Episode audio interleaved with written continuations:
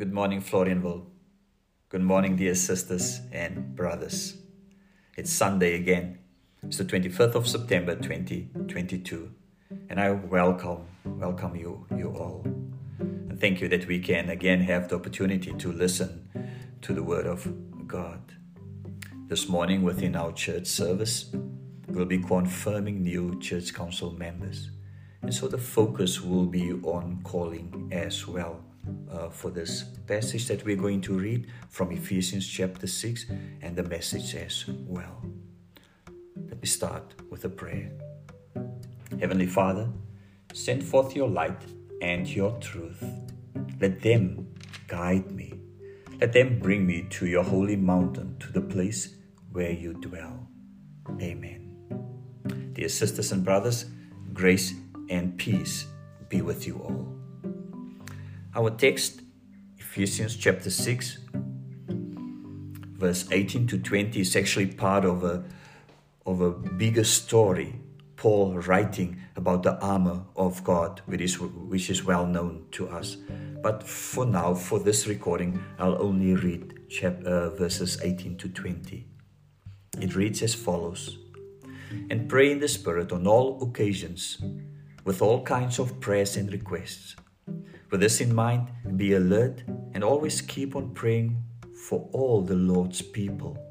Pray also for me that whenever I speak, words may be given me so that I will fearlessly make known the mystery of the gospel for which I am an ambassador in chains. Pray that I may declare it fearlessly as I should. This is the word of our Lord few weeks ago, we started off with the book of First Peter. And the reason for that was that we are living in fast changing uh, times. I also mentioned Stuart Murray, and he wrote about the fact that we are now living in a post Christendom era, meaning Christianity is no longer the center of life, and that the world is starting to lose its memory about church and church life. Stuart Murray's context is that of England, London, where church buildings nowadays are considered tourist attractions.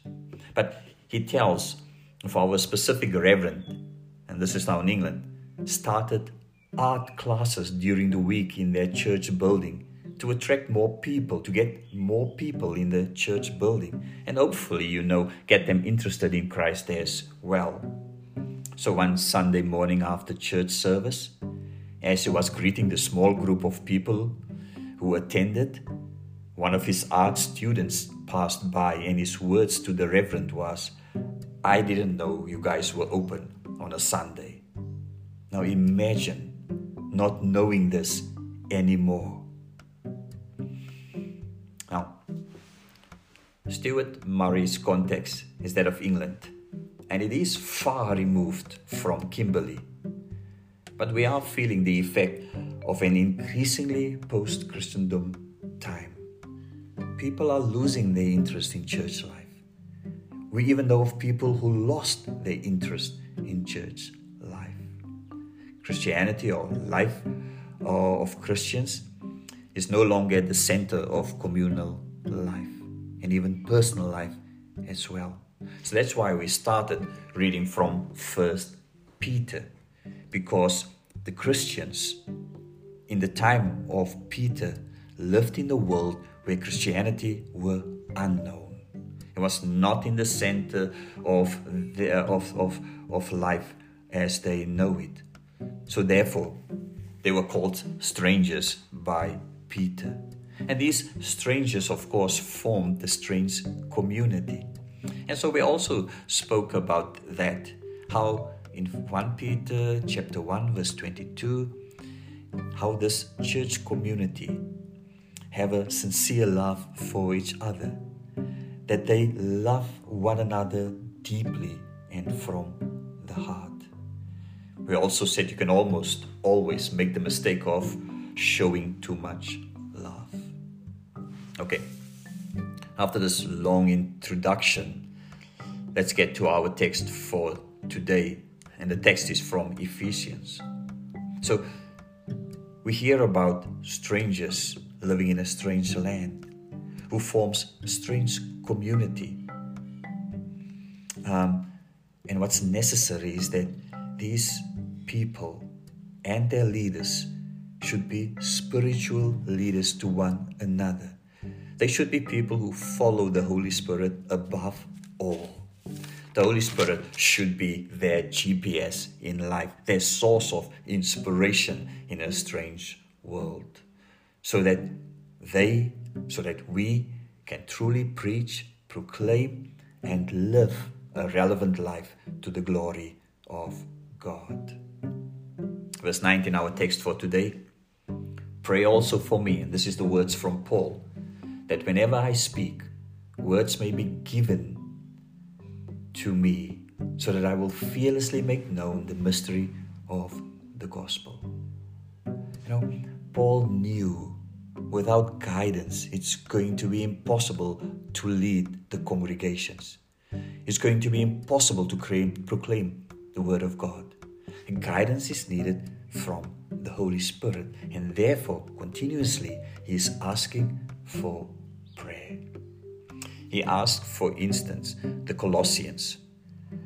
Colossians 4, verses 2 to 4 to 4 and pray for us that God may open a door for our message so that we may proclaim the mystery of Christ. He also asked the Thessalonians. 1 Thessalonians 5, verse 25 pray for us.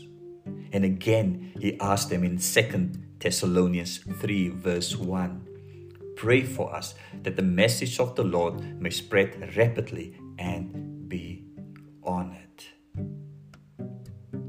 And so, in our text as well, he's telling the Ephesians, and I know this is from his own experience, but also guided by the Holy Spirit, that they are up against far more than they can handle on their own. And so he invi- advised them take all the help you can get. You know, every weapon possible that you can take, take it. God's word, for instance, is indispensable. You need this, he tells them. And also, he tells them pray hard and long. And to not forget him, Paul, so that he may know what to say and have the courage to say it at the right time as well. Our message for today is Paul had this awareness. You know, he is called to proclaim the word. And he knows it is not about him in the first place, but his calling matters the most. He is in prison, for instance, and we can just imagine his needs at that moment physical, emotional, and spiritual needs. It is so easy and could have been so easy for him to be over be overwhelmed by dark thoughts about himself and his future. But whenever he asks for prayer, it's about a word given to him so that he may fearlessly proclaim the mystery of the gospel. Proclaiming, preaching, witnessing means that it must be given to you from above. It must come from God. Remember the prophets? For Jeremiah, Jeremiah, God said, I've put my words in your mouth. Isaiah, his mouth was touched by a live coal at his calling.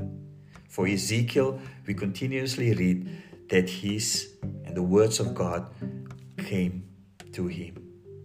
And so it is still the same for us, for all of us today. All of us are called, in the words of 1 Peter chapter 3, always be prepared to give an answer to anyone who asks you the reason for the hope that you have. And when we respond in the strange world to what's happening around us, it should be from, with a word from above because it's quite possible, even with the Bible in your hand, to give your own words, plain human thoughts or opinion about things and circumstances. And this should never be the case with us. Be aware, just like Paul, that you are called to proclaim a word from God. We are truly living in a strange new world. And we are considered strangers. But just like Paul, again, remember your calling. And that calling is to speak a word from God, but it should be from above. And therefore, pray for this. And also, we're asking everybody to pray for us as well, so that when we speak, it is truly from God. Amen. Heavenly Father, thank you for this opportunity. Thank you for the opportunity to listen to your word, to listen to the Apostle Paul as he struggles with his calling within difficult times, but never giving up on his calling. And again, in our text, we found that he, his biggest concern is to Heavenly Father just speak a word that's been given to him. Today, Heavenly Father, us as church council members, as church members, as strangers within this world, this is also our prayer that whenever we speak to our children, and ever whenever we are busy within the congregation, and whenever we have to talk about our faith and the hope that lies within ourselves, give us the necessary words to speak so that it will also inspire others, so that this world and our world will never lose its memory about who you are, about your church, and about the fact that we are your children. Please help us in this, Lord. The grace of our Lord Jesus Christ and the love of God and the powerful presence of the Holy Spirit be with us all. For yours is the kingdom and the power and the glory forever and ever. Amen.